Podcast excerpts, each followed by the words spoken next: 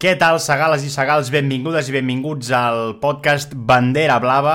Parlem de fórmula amb la parsimònia d'un doblat després del Gran Premi de Bahrein, primer Gran Premi de 23 d'aquesta temporada 2023. Blue flag, blue flag, blue flag. Come on, blue flag. Otherwise I get stuck. Come on, the blue flag. Bandera blava. Parlem de Fórmula 1 amb la parsimònia d'un doblat. Escolta'ns després de cada gran premi a YouTube i a Spotify. Vinga, doncs ja tenim el primer Gran Premi de 23 eh, eh, disputat, primer Gran Premi de Bahrein, aquí ja s'han encès els focus, ja hem, tothom s'ha tret les caretes fora, ja hem vist quin és el rendiment dels cotxes en aquest inici de temporada. Per què dic inici de temporada? Perquè sabreu d'aquí 15 dies, eh, bueno, si esteu escoltant això, doncs el, el, el, de, després, o quan surt, després del Gran Premi de Bahrein, encara quedaran 15 dies pel proper Gran Premi a Jeddah, a Aràbia Saudí. I després tindrem 15 dies i ens anirem a Austràlia, i després tindrem un mes, eh, perquè pel mig hi havia el Gran Premi de Xina, que ha caigut per, per temes de Covid. Per tant, els tres primers Gran Premis seran una, una post pretemporada, d'acord? Perquè segurament veurem moltíssimes evolucions a partir de, de Baku, que serà el quart Gran Premi de, de la temporada. Avui sóc aquí per parlar del Gran Premi de Bahrein, eh, un Gran Premi que jo crec que ha sigut molt bo per ser, el, per ser el primer, i el que farem serà repassar un per un tots els pilots, la seva cursa, perquè hi ha moltíssimes coses que la senyal internacional de la Fórmula 1 no ensenya, que de zon no se n'han adonat, i que per això estic aquí jo, per eh, desengranar-vos una miqueta les curses de, de tothom. Uh, òbviament, doncs, la cursa ha tingut uh, noms i cognoms, en parlarem d'aquí uns, uns segons, Um, I a més a més, durant tota la setmana eh, i després de la cursa us he anat demanant per Twitter i per les xarxes socials quines són eh, per vosaltres l'estrella del Gran Premi, l'estrellat del Gran Premi, la sorpresa del Gran Premi i l'espectacle, qui ha portat l'espectacle. I això, doncs, amb les vostres opinions que heu deixat a través del Discord, de, de, de Twitter i de la meva resta de xarxes socials, que per cert em podeu seguir l'Open Norman 44, doncs amb aquestes, amb aquests eh, resultats, doncs hem, hem, us les llegirem una miqueta, i a més a més tenim la presència de eh, persones il·lustres dins el món de la Fórmula 1 que estaran aquí habitualment, es converteixen en col·laboradors habituals, més alguns que estan eh, per venir i que ja estan confirmats, i que doncs, també ens aportaran la seva visió dels, dels eh, Gran Premis, així que tenim un bandera blava cada vegada més participatiu, com ja vaig dir en el programa pilot, per explicar què ha passat en aquest Gran Premi de Bahrein. Han passat coses molt interessants, jo crec que també coses molt destacables, eh, més enllà doncs, de, del lideratge de, de Red Bull, de l'Aston Martin, que sí que funciona, eh, i han passat moltíssimes coses eh, jo crec que la part mitja que està més calenta que mai i més impredible que, que mai. Jo crec que és molt complicat aquest any vaticinar què passarà doncs, de, del sisè al vintè, així de clar. No sé què passarà, i ara en parlarem una miqueta de, de tot plegat. A més a més, tenim una lliga del FU Fantasy eh, disponible, que trobareu els enllaços a baix a les descripcions, i que us hi podeu eh, apuntar. Tenim més de 72 persones inscrites ja al, al, a la Lliga de Feu Fantasy i, i la veritat és que ha sigut una mica dramàtic per, per part meva perquè portava Esteban Ocon que com que ha abandonat m'ha fet un menys 20, per tant una miqueta dramàtic. Però bueno, en parlarem una miqueta també de, de tot això. Per cert, si ens estàs escoltant a YouTube, subscriu-te. Si estàs a Spotify, subscriu-te i dona-li a les estrelletes, eh? 5 estrelles si t'agrada molt, 4, 3, 2 o 1 si no t'agrada gens, també puntua, si no t'agrada gens, puntua, perquè així tenim, tinc una mica de, de feedback de, de tot plegat. Sense més dilació, si us sembla, anirem a repassar primer, una per una, la cursa de cada un dels pilots i després una miqueta de visió general de què és el que ha passat en aquest eh, Gran Premi de Bahrein. Vinga, comencem.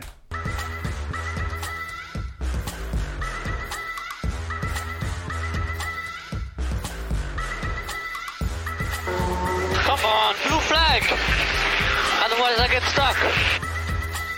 Estàs escoltant Bandera Blava, el podcast de Fórmula 1 en català. Vinga, doncs anant del pilot número 20 al primer classificat, mira, he, he fet un experiment que l'he posat una frase a cada un dels, dels pilots per parlar de la seva cursa. Val? Eh, ja vaig dir que habitualment no faria massa guió, però m'he apuntat una frase per definir-lo. Val? Eh, no per tothom eh, hi ha... Fra... Bueno, és igual, ara, ara ho veureu. Vinga, doncs anem a fer una mica l'1 per 1 de cada un dels pilots, anem a parlar de cada un dels pilots, sempre per ordre invers, començarem pel 20è, arribant al, al primer classificat. El 20è classificat és Òscar Piastri, amb McLaren. L'adjectiu és víctima del Windows 11. Uh, Piastri que ha abandonat uh, a la volta número 13 sense poder mostrar gaire el seu potencial. És veritat que a la sortida doncs, ha avançat algunes, algunes posicions però vaja, aquest McLaren sembla inconduïble bàsicament perquè sembla que l'hagi muntat del revés. Li han instal·lat el Windows 11 li ha saltat el Windows Defender i fent una mica d'ironia, no? però és bàsicament el que ha passat.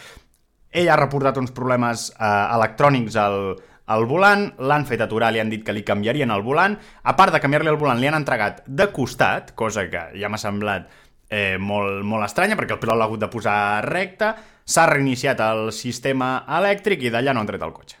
Val? De box no han tret el cotxe, d'aquella aturada s'ha fet eterna i, i, i ja està. I ha abandonat aquí, doncs, aquí ha acabat la cursa d'Òscar Piastri, que, eh, bueno, no sé, ha tingut moltíssims problemes electrònics, a la qual i no li va anar massa bé, però ha aconseguit posar-se eh, P, P15, remuntant alguna posició, i, i llàstima perquè Piastri necessita molt rodatge. Perquè al final és un pilot nou a la graella, un pilot amb moltíssim talent. Jo crec que el millor dels, dels debutants, a, a nivell, a, diguem, de, de, de, de, de capacitat i del que pot aportar a la, a la Fórmula 1. Ara bé, necessita un cotxe que, i un equip que l'acompanyi. De moment, això no, no és així. És una llàstima perquè jo crec que hagués estat a la lluita pels punts, perquè tot ha anat molt igualat. Molt, molt, molt, molt, molt igualada ha estat la lluita pels, pels punts. Jo crec que si no hagués tingut problemes, segurament hagués pogut posar-se doncs, eh, fàcilment en una P13, P14... Eh, però vaja, després també veient el, el rendiment de, de Lando Norris, doncs, eh, bueno, igual no hagués estat allà. Però vaja, ha sigut una llàstima perquè sobretot el que necessita ara mateix el McLaren és rodatge perquè estan amb problemes molt greus. Ara mateix són, sens dubte, el pitjor equip de la graella. Segur que no acabaran aquí a, a l'any, eh? Segur, bueno, em sorprendria moltíssim que acabessin aquí, aquí a baix, però la realitat avui en dia és que McLaren és el pitjor equip de tota la, de tota la, la, la graella. Piastri, doncs, eh, víctima de, del Windows 11, se li ha reiniciat el, el, el cotxe, bueno, és que és bastant irònic, se li ha reiniciat el cotxe diverses vegades i no l'han aconseguit eh, arrencar. Per tant, DNF per Òscar Piastri a la volta 13 sense classificar. Anem al 19è, eh, també sense qualificar, Leclerc, Charles Leclerc amb el Ferrari, tot un meme. El meme aquest, no?, d'ell eh, contra la paret que surt a la intro de la Fórmula 1 s'ha fet realitat per segon dia consecutiu. El dissabte Uh, Leclerc, que just al sortir a fer la seva volta de qualificació a la Q1, um, ja li va saltar un tros de cotxe, uh, una mica inexplicable, la veritat, perquè, perquè va parar a box, li van arreglar quatre coses i fet. Però, però ja molta gent a Twitter va utilitzar aquest meme i, i bueno, i a, a falta de uh, 16 voltes per fin, pel final, el Ferrari ha decidit aturar-se, uh, problemes d'electrònica per, per Leclerc, que ja va canviar la centraleta Uh, ja ha canviat la centraleta, utilitza una segona unitat de centraleta que també uh, peta i això és un greu problema de fiabilitat del, del Ferrari. És un gravíssim problema que comença amb problemes de fiabilitat, que és el que no pot tenir si el que vol és disputar-li el Mundial a, a Red Bull, perquè es vaticina un Mundial um, que, que, que, que hauria de tenir molt, pocs erra molt poques errades. Red Bull l'any passat va tenir molt poquíssimes errades i aquest any han començat també amb molt poques, molt poques errades. Per tant, si li comences ja cedint aquí punts a, a Red Bull, eh, malament. I sobretot malament ja no tant perquè te'n vas de Red Bull, sinó que aquest any, un mal any de, dels de dalt pot significar ser quart al Mundial. I això és eh, una despesa molt, molt important de uns ingressos que deixes d'ingressar de, molt elevats i, i això eh, t'ha de fer saltar la llebre ja a Maranello. Ha de saltar ja la llebre, perquè eh, Leclerc havia, a nivell de ritme havia estat allà, eh, hi ha hagut moments que s'ha posat segon, hi ha hagut moments que està lluitant per la segona plaça amb, amb Checo Pérez, però, però la veritat és que eh, el Ferrari no està eh, ni molt menys polit per poder-li disputar, eh, almenys aquí a Bahrein, veurem a, a Jeddah, um, però, però no estava, no estava del tot eh, bé, tot, el bé que hauria d'estar per, per, per disputar-li les, les curses a, a Red Bull. És veritat que el Ferrari, sobretot el Ferrari de Charles Leclerc, que semblava durant tot el de setmana, bueno, durant les, les sessions importants, diguem, a la cursa i a la, a la Q3, a la quali, per davant del, de l'Aston Martin, sobretot Leclerc, Sainz, després en parlarem, eh, no, no, no tant, no, no s'ha trobat tan, tan còmode. Jo crec que Ferrari estarà per davant d'Aston Martin i crec que, que bé, eh, necessiten sobretot millorar aquesta fiabilitat perquè és el que els hi pot costar, ja no una primera plaça, sinó que els hi pot costar la segona o la tercera plaça al, al Mundial si les coses no van del tot bé a, a Maranello. P20, a P19 per eh, Charles eh, Leclerc i l'única cosa, una llàstima que hagi aturat el cotxe en un punt on els comissaris han pogut retirar-lo fàcil, perquè ens, jo hagués agraït moltíssim un safety car en aquesta cursa, un safety car eh, que hagués ajuntat el pack una altra vegada i m'hagués agradat veure la lluita dels de davant amb ritmes molt similars amb, uh, podent canviar rodes o algú podent canviar rodes, m'és en encantat. Per tant, una llàstima que se li hagi parat el cotxe a Charles Leclerc i una llàstima, sobretot, que se li hagi parat on se li ha aturat. Per tant, el proper dia, Charles, aparca al mig de la carretera, que jo vull un safety car. Vale? Des d'aquí llenço el missatge. A mi m'agradaria que... M'hagués agradat molt que hi hagués hagut un, un safety car. Vaja, una llàstima i molts punts que perd eh, Ferrari, Ferrari aquí. 18è. Uh, Esteban Ocon, Alpine, DNF, adjectiu, el Grinch. Explicab inexplicable la cursa d'Esteban Ocon. Segurament de les coses més estranyes que he vist en Fórmula 1 els últims anys i per un pilot que porta moltes temporades a la Fórmula 1. Ha començat la cursa malament per Ocon. Primer de tot, ha aturat malament el cotxe a la graella de sortida, ha posat la roda massa per davant i per tant ha sigut investigat per això. Però és que a la T4 ha tancat inexplicablement a, a, a Hulkenberg, a Nico Hulkenberg. L'ha tancat quan el tenia en paral·lel, Hulkenberg ha hagut de frenar, li ha tocat el cul al, al, a l'Alpine i això ha fet també que Nico Hulkenberg eh, anés amb l'endplay tocat durant els, tot el seu primer stint, que després en parlarem d'això. Però inexplicable això, inexplicable que hagi clavat malament el cotxe a la sortida, inexplicable la defensa de la seva P9 o P10 en aquell moment, si no m'equivoco era una P10, amb Ocon, co- com ha defensat allò, no, no, no, no ho entès gens. Després, entra a complir la sanció. Entra a complir la sanció. Entra i els mecànics del PIN tocant el cotxe. Jo quan ho he vist dic, però què estan fent? Però que no tenia sanció. Dic, em de què m'he equivocat jo? No, no, òbviament. Mm, Però és que no és que hagin al segon 4 hagin tocat el cotxe. És que han parat el cotxe i estaven tocant el cotxe, els mecànics. És que no he entès res. No he entès res. Els mecànics del PIN estaven ballant sevillanes. O... És que, de veritat, eh, no, no, no ho entenc. Tocat el cotxe. Llavors, l'han tornat a sancionar perquè no ha complert bé la sanció. Però és que, a més a més, quan s'ha aturat, ha fet speeding in pit lane, és a dir, ha anat quilòmetres per hora per sobre del que toca, i llavors 5 segons més de sanció. Per tant, una altra sanció més per, per Alpine. No he entès res. Són sancions ultra evitables. És que no entès res, no entès res, de veritat. El Grinch de la cursa, no sé què li ha passat, se li han gravat els cables, sortia novè, sortia novè, amb un Alpine, que després en parlarem també, funciona molt millor del que s'esperava, i, i el tio eh, ha tirat per la borda totes les posicions. Ell i l'equip, perquè el dels mecànics tocant el cotxe, absolutament inexplicable. Absolutament inexplicable.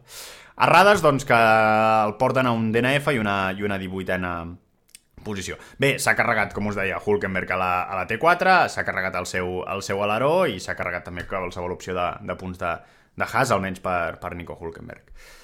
17è, i per tant el primer dels que ha arribat a línia de meta, Lando Norris, el seu objectiu és Daniel Ricciardo. Possiblement la pitjor cursa que li recordo a, a, la- a Lando Norris, segurament també en Bahrein eh, 2022.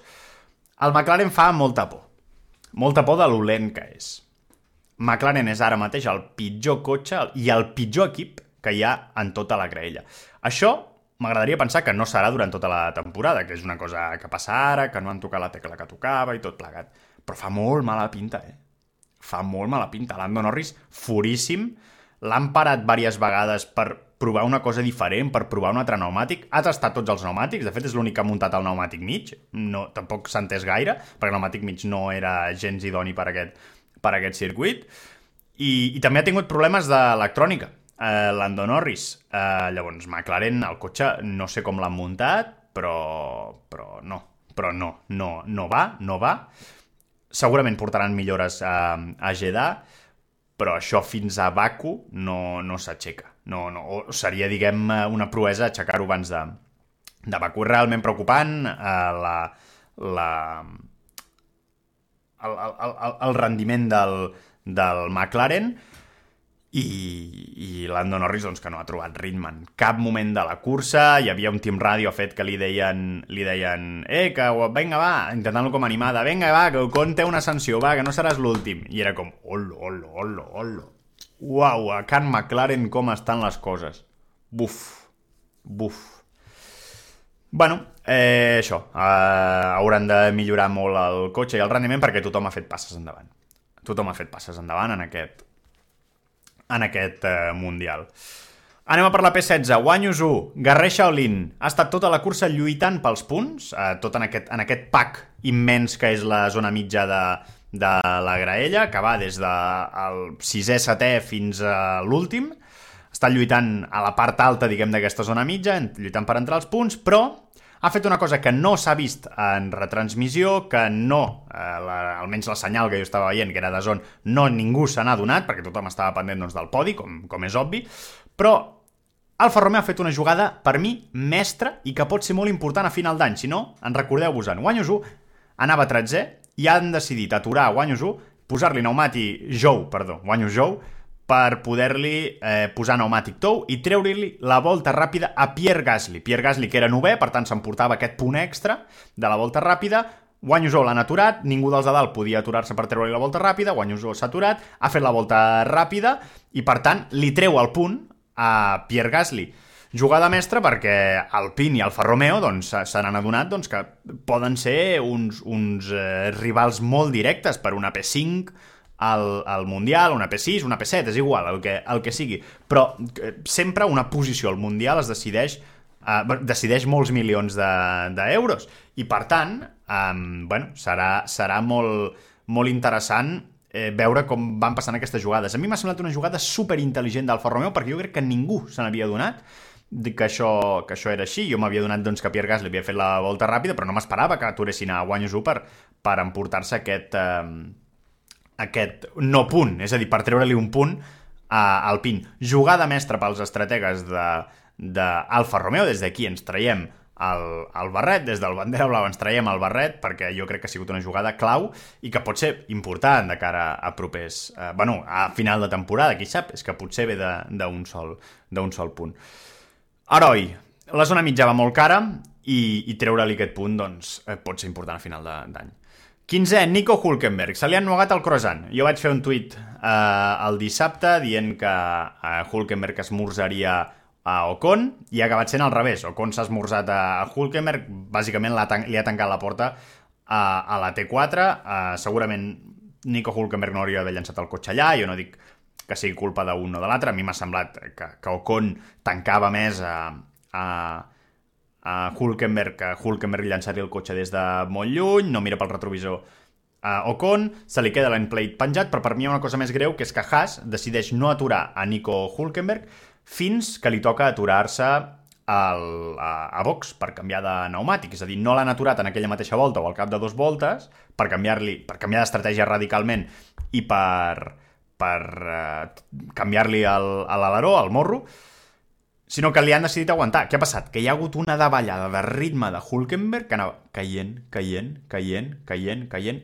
i a la zona mitja, que és tan cara, s'ha despenjat completament, i jo crec que mentalment també ha fet un, un clic, um, i ja ha quedat completament eh, desquiciat a, a darrere de tot aquest pack de la, de la zona mitja de la classificació. Jo crec que l'hem de veure bastant més amunt, crec que l'haurem eh, més amunt, però avui hi ha hagut cagada de Haas, i doble, perquè ara parlarem també de Kevin Magnussen, eh? però... Um, bueno, el de Hulkenberg, que sortia de Z, tenia opcions de punts, cau un parell de posicions just a la sortida, es toca amb Ocon, es queda enrere a, a nivell de, de ritme, el passa Lando Norris, que ha anat punxant, punxant, punxant, i els Haas tenien ritme. Ho ha dit Uh, Steiner, després de la... En, en roda de premsa, uh, Gunther Steiner ha dit que els Haas estan contents, no pels resultats, perquè els resultats diu que han sigut un, ha sigut un molt mal dia per Haas, però contents perquè han vist que tenen ritme per estar a la part alta de la zona mitja. Han dit que tenen ritme per poder estar a la part de la zona mitja. I això és el que una mica deien els temps. Nico uh, Hulkenberg, que la que ha parat, s'ha aturat a box, eh, ha pogut retrobar una mica el ritme, ja era tard. A més, jo crec que, ja us dic, eh, mentalment crec que no, no ha acabat d'estar bé. Estratègia molt xunga de Haas amb Nico Hulkenberg, això que no l'hagin que no l'hagin aturat, jo crec que, que ja us dic, eh, no tenia poc, poc eh, no tenia gaire ritme Hulkenberg, que sobretot al, al, al principi, després a poc a poc s'ha anat, anat retrobant. Anem a la P14. Eh, Nick de Vries, poc a poc i bona lletra. Millor del que s'esperava. Els, els Alfa Tauri, els Alfa Tauri que jo pensava que serien el pitjor equip de la classificació, i no, és McLaren, eh? Ha tingut lluites interessants amb Zou, Magnussen, Sargent, Sonoda, és a dir, lluitava pels punts de Vries, però l'últim stint s'ha desinflat completament eh, Nick de Vries, no sé si se li ha fet llarga la cursa o, o si ha tingut algun problema d'adaptació al pneumàtic, però m'ha agradat molt els, els, els primers stints de, de, de Nick de Vries, crec que estarà per la lluita per, per puntuar en, en cada cursa. I de fet és que crec que tot, a dia d'avui tots menys McLaren, crec que poden estar en la lluita pels, pels punts a, a cada cursa, des de la P7 a la 10, encara que no abandoni ningú, ai, perdó, des de la P7 a la P16-17, jo crec que tothom anirà molt, molt apretat aquest, aquest any, i cosa que és, és meravellós, però una llàstima perquè les teles mai ens ensenyen aquestes lluites, perquè sempre ens enfoquen a, a davant i tot plegat, i aquestes ens les ensenyen de forma molt residual. Però aquest any la lluita a la part mitja serà, serà increïble. I no patiu, perquè cada setmana jo us explicaré què ha passat allà al mig, vale? el jaleo aquest d'aquí al mig, jo us explicaré què, què ha passat.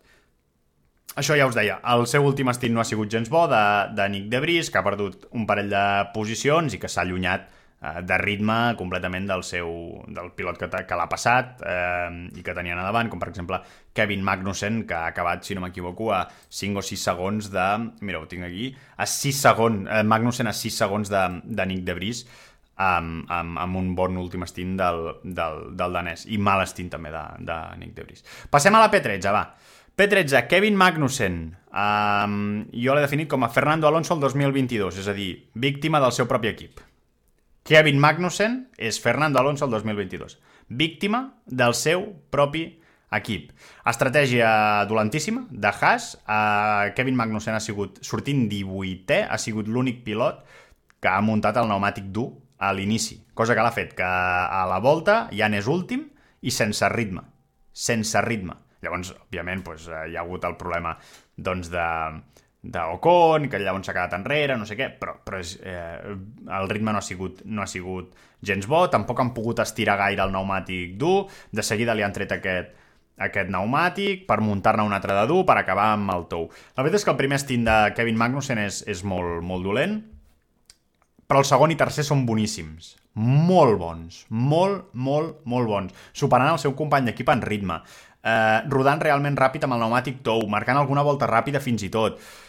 Uh, condemnat per, per aquest pneumàtic dual a l'inici, que no ha tingut gaire, gaire sentit, una estratègia molt arriscada que no, no ha tret el seu, el seu rendiment. Uh, suposo que ha fet el seu particular via crucis pel, per la mala qualificació que va fer, és a dir, l'equip li ha dit, mira, nano, ahir vas fer una quali dolentíssima, el diumenge et toca sortir amb el pneumàtic dur. No sé, no ho entenc gens, perquè podria haver sortit, per, perquè tenia joc de pneumàtics, podria haver sortit perfectament amb el tou, a canviar a mig i tornar al final amb el tou. Però no, no, Haas no ho ha decidit així i, vaja, molt, a, molt mala molt mal cap de setmana per, per Kevin Magnussen, ja et dic, jo, jo em quedo... Eh, jo sóc una mica de Haas pel meme i tot plegat, eh?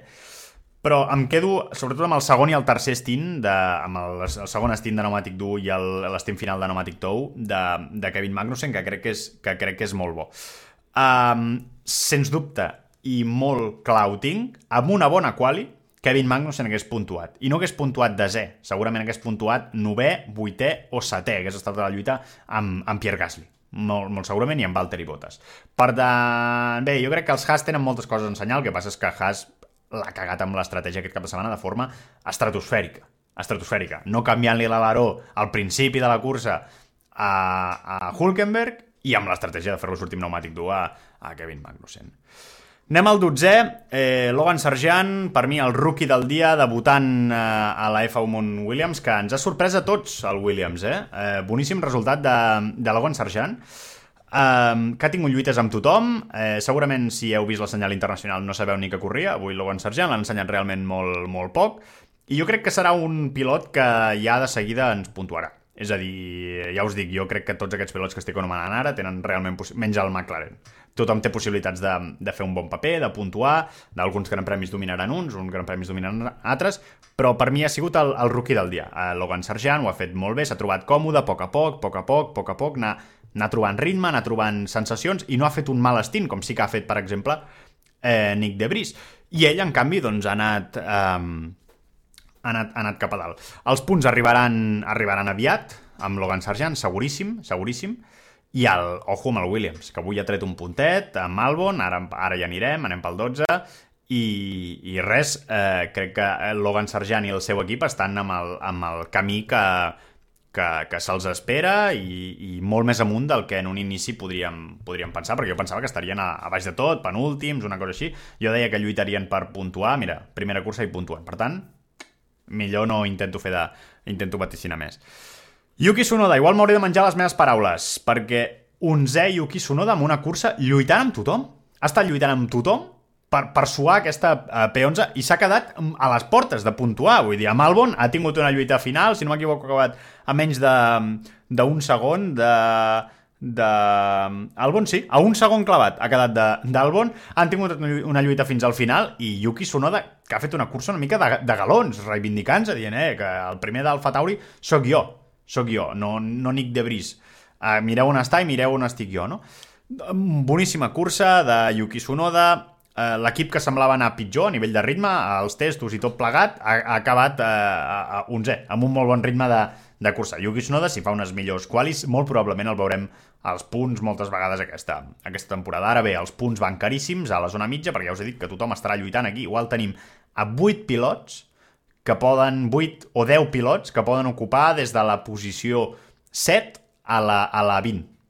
13 pilots. Vale, trec els dos McLaren. 11 pilots que poden lluitar per, per 3 o 4 posicions de, de punts. Cosa que trobo increïble i, i molt, molt espectacular aquest any. Espero que la tele s'hi fixi. I si no, ja us ho dic, aquí al Vendrà Blau us ho portaré cada setmana. Vinga, Albon, de les seves millors curses, jo crec. De les seves millors curses, ha lluitat amb tot Cristo, ha guanyat totes les batalles, ha aguantat el Yuki Tsunoda fins al final, ja us dic, l'ha deixat a un segon, i els Williams, ojo que volen. Van molt, molt, molt bé els Williams, estan a la part alta de la zona mitja, i, i ha hagut de, de, de mostrar els seus galons com a, com a pilot, ha hagut de lluitar amb tot, ha hagut d'avançar moltíssima gent, i, i aconsegueix doncs, aquest punt que, que és or per, per Williams. Ja us dic, jo, principi de temporada, deia, bueno, algun puntet s'aconseguiran en alguna cursa, no sé què, pam, primera cursa, lluitant amb tothom cos a cos i demostrant el ritme que té el Williams. Ull amb aquest Williams. A mi m'ha agradat moltíssim. Vaig a per la P9. Uh, Pierre Gasly, per mi el croissant de xocolata del dia d'ahir, perquè no dones gaire per ell, perquè sortia 20è, però mira, et treu la gana. P9. El tio, el tio, sortint últim, ha fet una cursa increïble. Increïble. Sense posar-se nerviós. Ritme, pa, pa, pa, pa, pa, volta, volta, volta, sense lluites absurdes...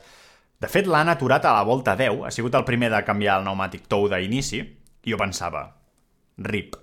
Però el tio, ritme amb el pneumàtic dur, ritme amb el pneumàtic dur, avançant a Albon, avançant Sonoda... Bueno, primer, perdoneu, primer avançant doncs, a, a Debris, a Magnussen, als Haas, molt més ritme, anar tirant, anar tirant, anar tirant, anar tirant, i al final el Virtual Safety Car li ha anat superbé. És a dir, Um, el Virtual Safety Car l'ha benefici beneficiat, ha pogut muntar un pneumàtic tou just en aquell, en aquell moment que li ha fet guanyar dos places al final, vull dir que xapó per, per Alpine i per, i per Pierre Gasly que han fet una cursa increïble. Han fet una cursa boníssima, boníssima. Sorprenent perquè és la cara i la creu.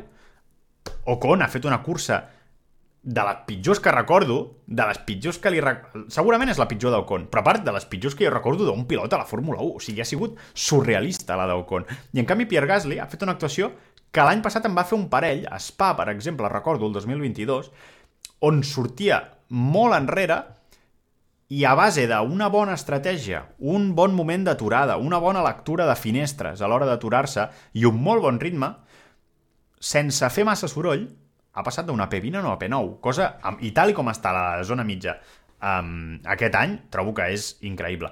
Ara bé, Alpine és un cotxe que funciona molt millor del que vam veure als testos i als lliures. Alpine és un, un cotxe que segurament aquest any estarà lluitant per la P5 al, al Mundial, no crec que arribin a una P4, eh? però jo crec que per una P5 estaran lluitant al Mundial, juntament amb, amb Alfa Romeo, i ja us dic, Pierre Gasly havia marcat la millor volta ràpida fins que Zu ha parat expressament per treure-li el punt, el punt extra, així que dos punts per Pierre Gasly, eh, molt lloable i per mi un dels pilots del, del dia, òbviament, si no contem els de, els de davant, que tela. Um, anem a pel vuitè. Uh, Valtteri Bottas, el Palomero. El Palomero. Per què? Perquè estava al lloc adequat quan tocava. Va fer una bona quali sense entrar a Q3, ha sapigut esgarrapar doncs, les, un parell, parell de posicions de Ocon, de, que ha caigut avall, de Hulkenberg, que ha caigut avall, i ha sapigut doncs, aprofitar les seves lluites, els seus moments, per enganxar-se i, i, i- ser el líder de la zona mitja, aquest Alfa, Alfa Romeo ha tingut un, un, un ritme molt, molt bo, batalles molt interessants durant la, durant la cursa, però eh, lluny dels de davant, el setè de fet, que Russell li ha acabat a 16 segons, que tampoc em semblen tants, eh? Tampoc em semblen tantíssims, no em sembla una cosa molt, molt, molt llunyana. Jo crec que a poc a poc s'anirà ajustant tot això. Ara mateix són els líders de la zona mitja, juntament amb el PIN, i ja hem vist que se les tindran durant tot l'any i juguesques, juguesques d'aquestes. Russell. Russell, doncs, eh, bé, eh, m'ha costat trobar-li un, un adjectiu, però diria que el meu adjectiu seria... Bé, no sé, eh, ha lluitat amb Alonso, però de seguida l'ha superat, lluitat entre cometes, i no ha pogut fer més. A partir d'allà s'ha vist superat, no ha pogut avançar a Lance Stroll, eh, no, no ha, tota l'estona pendent dels seus pneumàtics, que no morissin, que no morissin, que no morissin, um, ha estat lluny del seu company d'equip, al qual li ha tret 7 o 8 segons al, al final, una mica cursa a la defensiva, veure-les venir i tot plegat. A mi no m'agraden gaire aquest tipus de curses. Ha anat retallant temps a Stroll, però al final res, i crec que ens ha de mostrar molt més del que, del que hem vist. En general, Mercedes els he vist molt preocupats amb el tema dels pneumàtics, eh? Molt, molt, molt preocupats, i això... Bé, em preocupa, em preocupa una mica aquest, aquest rendiment del, del, del Mercedes, que està completament eh, desbordat. Anem a un dels equips del dia, Lance Stroll. Lance Stroll, definició, Marc Márquez. Marc Márquez, capaç de suportar el dolor de forma heroica. Stroll el van operar fa una setmana a Barcelona del, del Canell i el tio el tenim aquí competint, aguantant tota una bèstia com és l'Aston Martin d'aquest any, fent una P6 guanyant a Russell, que està en perfectes condicions eh, físiques. I a part, Russell considero que és un bastant millor pilot que Lance Stroll, eh? però vaja, això ja és, ja és una altra cosa. Una sorprenent, sorprenent aquesta P6 de Lance Stroll. De fet, vam veure... Va fer una molt bona, una molt bona quali, Uh, la Q3 potser no tant, però vaja, i els lliures 1 el vam veure sortint del cotxe que havia de ser ajudat per sortir del cotxe, vam veure que, que conduïa una sola mà, avui de fet l'he vist en algun, en algun plano, també l'he vist, també l'he vist així, però vaja, a mi veure el puntuar ja m'hagués semblat una sorpresa. I el tio va i et fot una P6 sense despenjar-se massa de Hamilton, és veritat que no, no ha pogut i no li ha, no li ha buscat ni les pessigolles, no?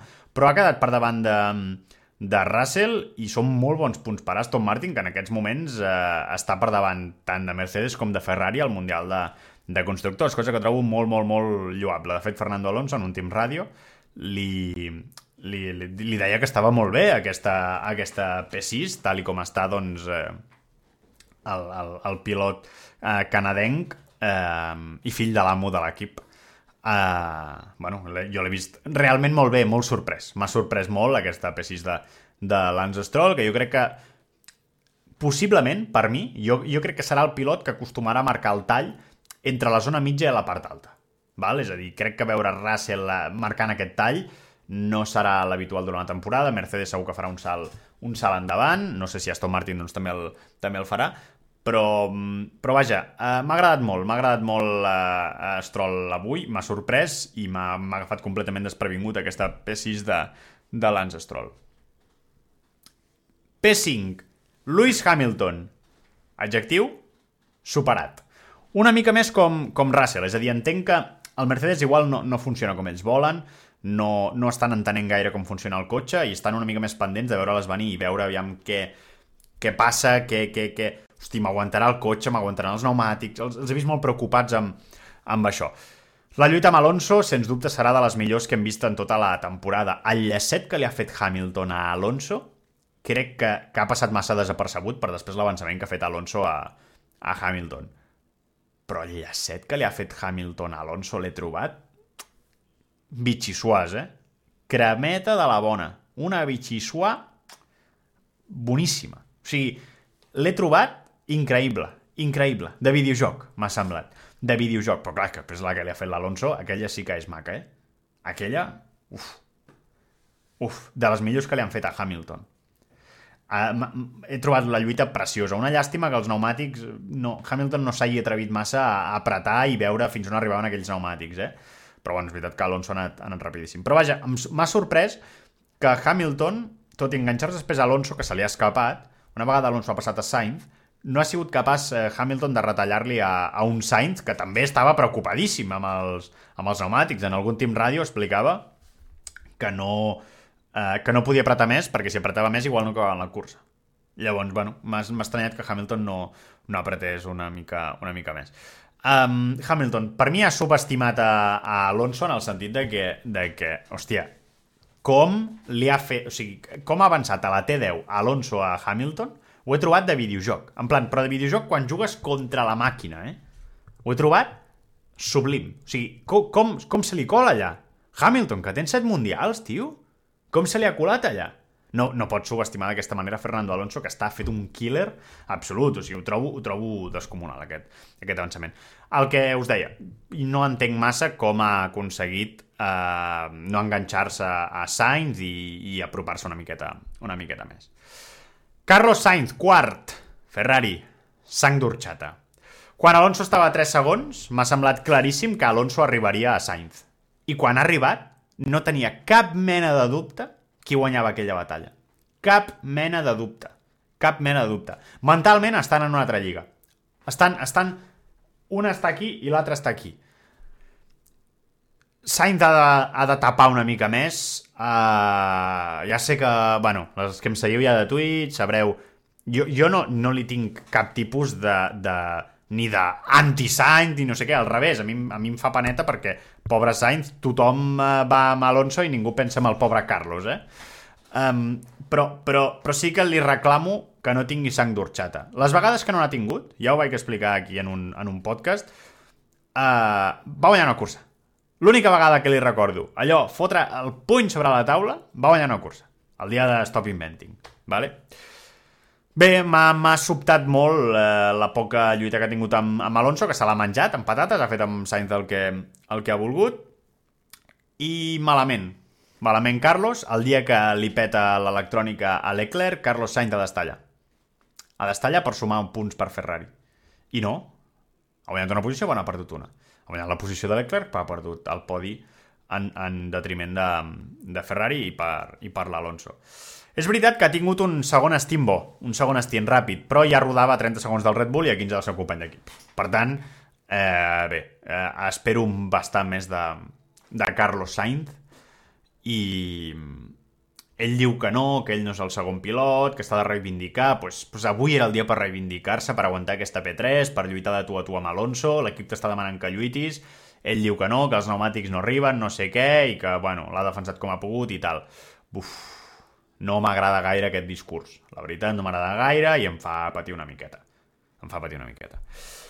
Tercer, Fernando Alonso, que torna al podi, al podi 99. Increïble el podi de Fernando Alonso amb l'Aston Martin. Increïble el podi. Increïble. Ho trobo increïble. Increïble. El tio ha fet una cursa de menys a més. El, amb calma, paciència. Ell sap que el cotxe funciona. El cotxe funciona. Ho ha dit en un team ràdio al final de, de la cursa, quan ja tenia la P3 assegurada, dient aquest cotxe és una meravella. Em fot patir aquest tio. Em fot patir perquè amb un cotxe bo Alonso no sembla en cap moment que tingui 41 anys. És, és, és una proesa. És una proesa. És molt bo. És molt bo. És molt bo. El dia que fallin els de davant, doncs t'aconseguirà la victòria. T'aconseguirà la victòria. Si la fiabilitat t'acompanya, que això és un altre què, eh? però, però si la fiabilitat t'acompanya al Mercedes, pff, veure Alonso lluitar amb Hamilton, amb igualtat de condicions, amb Sainz, amb els de davant, és una meravella. Ara, a Aston Martin doncs, li falta un parell de passes per arribar als, al Red Bull. Perquè I a Leclerc, eh? diria jo, també. Vull dir, a Leclerc no, no li hagués arribat i, i, i crec que Leclerc hagués aconseguit la tercera plaça si no hagués patat el, el, el cotxe, eh? Però, però, però, però vaja, hosti, molt interessant la primera cursa dels, dels Aston Martin que ja estan allà. Ja estan allà, han destapat la llebre, tothom ja ha vist que, de què són capaços i, i ull amb, amb Aston Martin, que no tenen por. Jo, jo penso, eh? Soc dels que pensa que l'equip, malgrat haver fitxat doncs, gent de tot arreu, pot mancar doncs, en moments de pressió, en moments d'un un pit stop molt exigent, allà pot fallar, en curses molt exigents pot fallar, no sé què, però de moment tot funciona de meravella i és, és increïble veure Fernando Alonso allà, 41 anys té el tio, batent-se de tu a tu amb qui vulguis, guanyant els duels sempre, sempre els guanya, i ho trobo, ho trobo, ho trobo, ho trobo increïble. Um, M'ha sorprès una mica el primer stint de Fernando Alonso, m'ha semblat força lent. És a dir, abans de parar box, anava molt, molt tranquil·let, però jo crec que és perquè anava amb el mood del pin, saps? Que era com una mica veure-les venir. Però de cop s'han recordat de, hòstia, vaig com un Aston Martin, això va fluint, però si les rodes no se'm gasten una merda. Gas. I llavors ha sigut quan ha, ha fet un, un últim stint increïble, descomunal, pixant-se com ha volgut els pilots que tenia davant, a, a Hamilton, a Sainz, com, com, com ha volgut. És increïble que aquest pilot tingui un cotxe competitiu. És increïble que la jugada d'anar Aston Martin hagi sortit bé. bé us ho diré. Una jugada arriscadíssima. I, i res, eh, ganes també de veure-la a prop dels, del Red Bull, perquè, perquè m'encantaria. Segon, Checo Pérez. Checo Pérez, Sancho Panza. Escuder. Brillant cursa de l'escuder Checo Pérez, assegurant punts per Red Bull. Ha tingut una lluita amb Leclerc, que ha solucionat per la via ràpida, vull dir, molt més ràpid.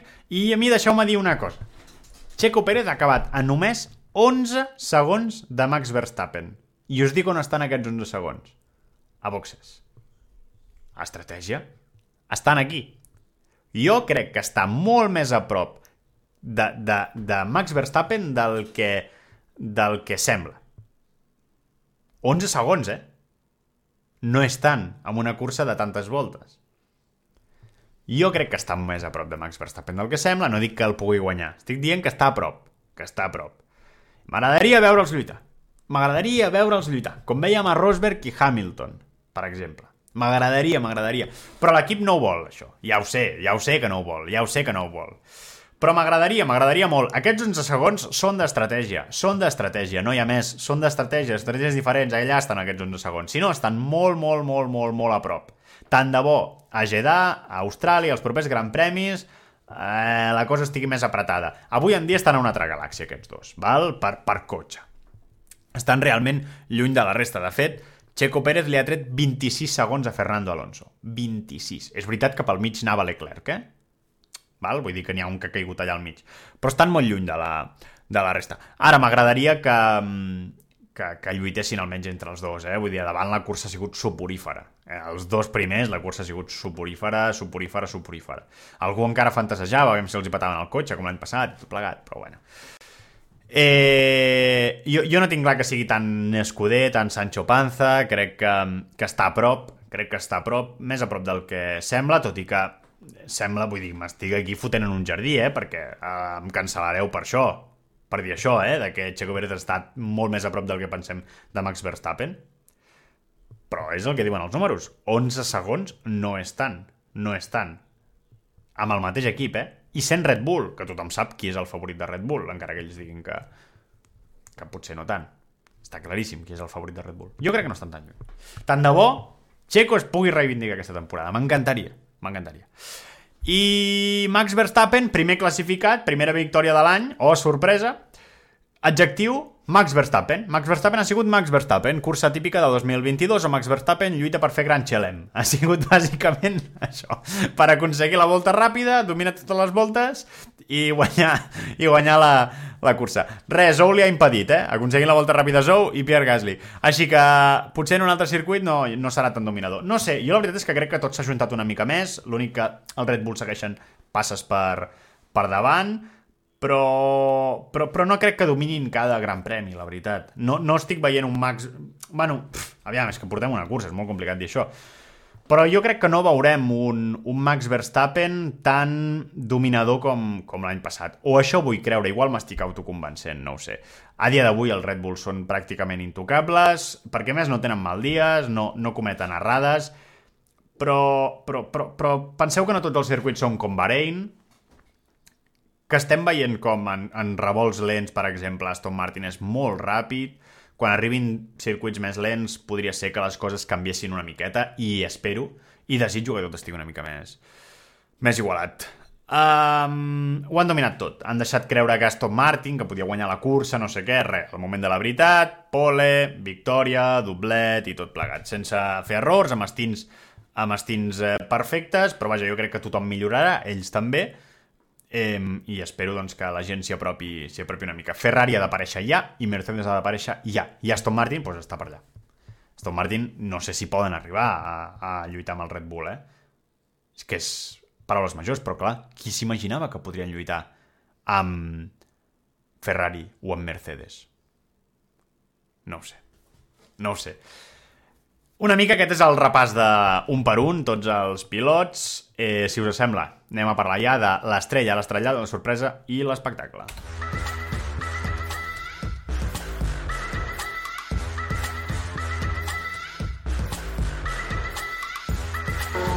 Come on, blue flag!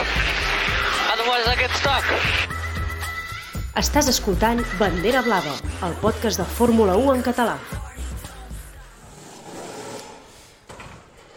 Doncs vinga, encetem aquesta nova secció eh, on així ens podem fer una mica una idea eh, de qui ha sigut l'estrella, qui l'ha cagat, qui ens ha sorprès. Um, com us he dit i us he promès al principi, eh, tindrem veus d'experts, veu d'una persona que em fa moltíssima, moltíssima il·lusió que, que ens acompanyi, que l'escoltareu en, uns, en uns segons, però, però i que la tindrem regularment, eh? La tindrem regularment aquí. No, no és que avui, per ser especial, el primer Gran Premi, no, no, no, la tindrem aquí, al Bandera Blava, on ens, ens eh, resumirà doncs, això, per ell qui ha sigut l'estrella, l'estrellar, la sorpresa, l'espectacle, també tindrem l'opinió del Martí Sogranyes, que també em fa molta il·lusió que estigui aquí, un tifosi com ell, un tio que ha estat al, al costat del canal i de tots aquests projectes, sempre des d'un inici, en unes properes setmanes tindrem una altra uh, persona que, que descobrireu els propers, els propers capítols i a més a més vosaltres hi podeu participar en aquesta secció, podeu aparèixer i donar-hi la vostra com tota la gent que m'ha respost al tuit. Primer però, si us sembla, el convidat estrella, el, el col·laborador estrella del Bandera Blava que tindrem aquesta temporada. És una persona que jo us diria que jo em vaig interessar la Fórmula 1 veient-la i escoltant-lo amb ell. Una persona que ha omplert casa vostra durant setmanes i setmanes i anys i anys i anys de Fórmula 1. Una persona que viatjava a tots els Gran Premis. Una persona que més ho feia amb la nostra llengua, en català, a TV3. Una persona que, de fet, és molt propera a Fernando Alonso. I una persona que li va preguntar a Mika Hakkinen si li agradaria córrer de nit. Amigues i amics, amb tots vosaltres, el Bandera Blava el ja jubilat periodista de motor durant més de 30 anys a TV3, Francesc Rosés. Així que Francesc Rosés el tindrem aquí, al Bandera Blava. Aviam, que us ho poso per aquí. Francesc Rosés, que el tindrem aquí al Bandera Blava. I anem a escoltar què ens diu el, el Francesc Rosés de qui és l'estrella, l'estrellat, la sorpresa i l'espectacle per ell d'aquest Gran Premi. Per començar, l'estrella del Gran Premi crec que ha estat doble. Ha estat Fernando Alonso juntament amb el seu equip Aston Martin. Han fet una gran cursa. L'estrellat, eh, no hi ha dubte també, el pobre Esteban Ocon, que ha tingut quatre o cinc penalitzacions diferents. La sorpresa per a mi ha estat que el Red Bull eh, dominessin la carrera amb tanta intensitat. Jo pensava que eh, Ferrari eh, i Mercedes i potser Aston Martin estaria més a prop, però eh, no han tingut rival. I l'espectacle, sens dubte, les, eh, els avançaments que ha fet Fernando Alonso i més especialment el que li ha fet a Lewis Hamilton. Doncs, uh, amigues i amics, Francesc Rosés, el tenim i el tindrem aquí, al, al Bandera Blava, um, tant avui com les properes setmanes, uh, donant la seva opinió. De veritat, quin luxe és tenir-lo aquí. Doncs ja ho heu vist, l'estrella per ell, Aston Martin i, i Fernando Alonso. L'estrellat Esteban Ocon ens ha dit doncs, eh, la, la sorpresa i també doncs, el, el, seu, el seu espectacle. Increïble la primera jornada que hem viscut. Vinga, anem a escoltar la valoració del, del Martí Sugranyes, del Sugra, eh, al seu Team Ràdio. Bueno, primer de tot, salutacions a tots els oients de Bandera Blava.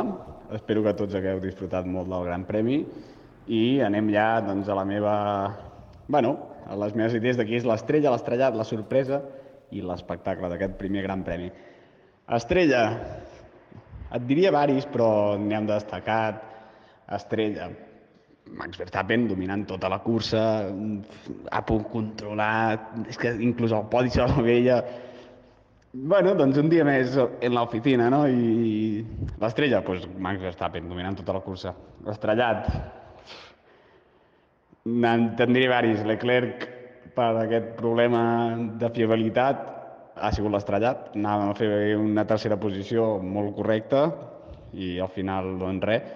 I Esteban Ocon amb penalització enrere l'altra, sortint bé a la graella, però al final podria ser un dels estrellats. La sorpresa, sorpresa i no tan sorpresa, els Aston Martin, sorpresa, si diem fa un mes, a dia d'avui ja no era tan sorpresa, però bueno, segueix sent la sorpresa. Agafar un podi la primera cursa, doncs un bon, molt bon resultat per l'equip de Silverstone, i Alonso Mage, sí, Aston Martin, la sorpresa, ja et dic, no tant sorpresa. I l'espectacle, la cursa en general, mm, tampoc ha sigut un carrerón, anem a ser realistes, però la primera Sí cursa de la temporada sempre és eh, una gran cursa, passi el que passi, pot ser la cursa més avorrida de l'any, doncs la primera i als malalts de la Fórmula 1 ens encanta i ja et dic, l'espectacle, tota la cursa, perquè és la primera i perquè la disfrutem tots. Molt bé, gràcies Sugra, gràcies Martí Sugranyes, um, que ens ha definit perfectament quina ha sigut la seva estrella, l'estrellar, la sorpresa i l'espectacle. Us dic el meu, per mi, l'estrella Max Verstappen amb el, i, i Red Bull, és a dir, és increïble el domini que tenen aquesta gent. És increïble com han dominat aquesta primera cursa on tothom mai sap ben bé on para, no sé què, Red Bull sap perfectament on para, a davant de tot. M'ha costat molt, eh, decidir-me, de no posar Fernando, Fernando Alonso, però vaja, l'he posat a un altre lloc. L'estrellat, McLaren, tot l'equip, un desastre absolut. I Esteban Ocon, no he entès res de la seva cursa. Res. Però què ha fet? No he entès res. La sorpresa, Pierre Gasly. Pierre Gasly m'ha sorprès moltíssim, no he entès com a la quali uh, P20 i, i, i, i després et fa una cursa amb un ritme increïble per acabar els punts. I bé, sumant dos punts. Um, I l'espectacle, Fernando Alonso. Fernando Alonso. Quina meravella, quina meravella de lluita ha tingut amb, amb Hamilton. Quina meravella. Duel d'astres. Nou mundials entre els dos. Bueno, sé per Hamilton i per Alonso, eh? Però n- nou mundials entre els dos. Quina lluita. I que maco que pot ser veure un tio que podries dir que ja està de tornada, però no, perquè el tio, diguem, té, té, ell ha guanyat ja dos mundials i vol tornar a guanyar, però si t'ha de fotre el cotxe, te'l fotrà sense pensar. No, no, no calcularà molt, però com que és gat vell, sap perfectament on ho ha de fer. I, i és, és, és increïble, o sigui, té un talent innat per aquest esport, té un talent innat. Jo, jo de veritat, ho trobo increïble que Fernando Alonso torni a tenir un cotxe eh, competitiu amb 41 anys. Si us sembla, anem a veure quines són les vostres valoracions i què heu dit vosaltres de qui és l'estrella, l'estrella, la sorpresa i l'espectacle.